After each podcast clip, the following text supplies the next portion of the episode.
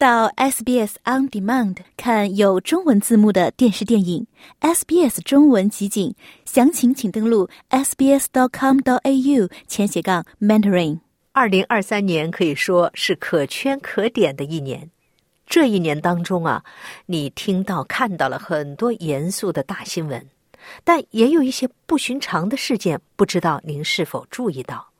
比如，在乌干达，一名七十岁的妇女成为了一对双胞胎的母亲。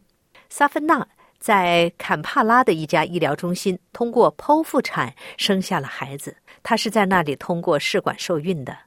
那么，她这么做的原因是什么呢？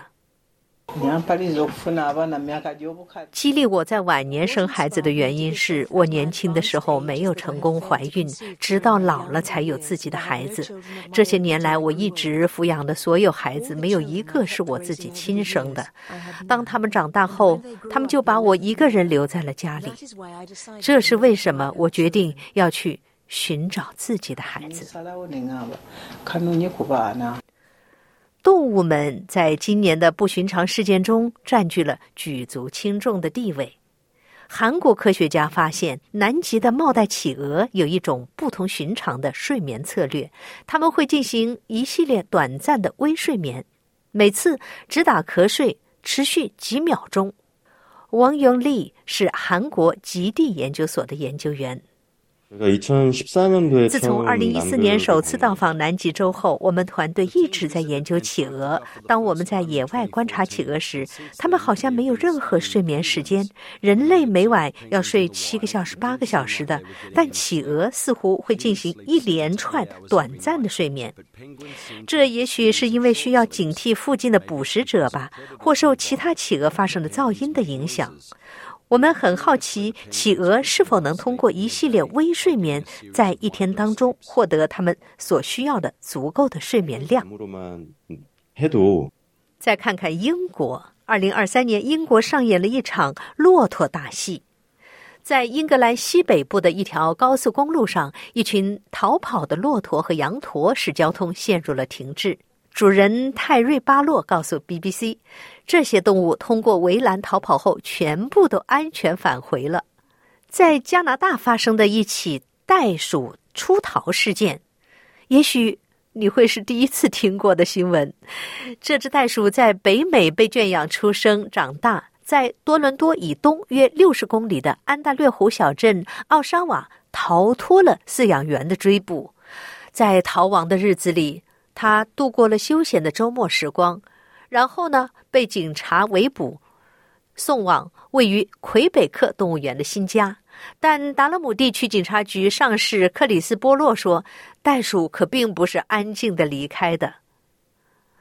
按照处理人员的最佳的办法，警察实际上只抓住了它的尾巴，这样他们就能够安全的被控制在。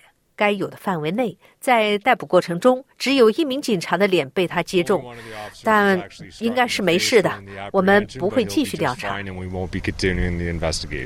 美国同样出现了一只敢作敢为的动物。加利福尼亚的一名冲浪者报告说，一只水獭在一个名为“蒸汽港 ”（Steam Lane） 的休息点偷走了他的冲浪板。鱼类和野生动物管理局的官员表示，他们注意到这只五岁的雌性南部海獭表现出令人担忧和不寻常的行为，包括多次接近该地区的冲浪者和皮划艇运动员。没有消息表明这只水獭是否曾被捕获，或者仍在圣克鲁斯海岸附近闲逛。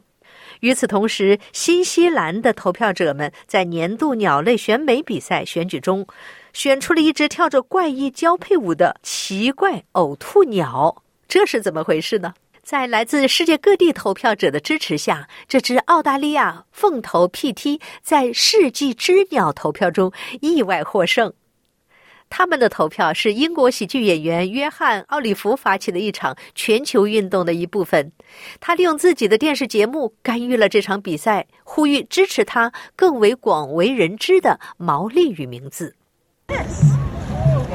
我们在新西兰、巴黎、孟买、东京和伦敦都投放了广告。我们在巴西的伊帕内马海滩上空悬挂了横幅，而且还在威斯康星州的马尼托瓦克做了广告牌。我们的推广似乎奏效了。回到人类世界，在日本，正常通勤对身处一列子弹头列车上的乘客来说是遥不可及的。一节车厢会变成摔跤场。七十五名乘客付费观看了两名职业摔跤手的相互肉搏。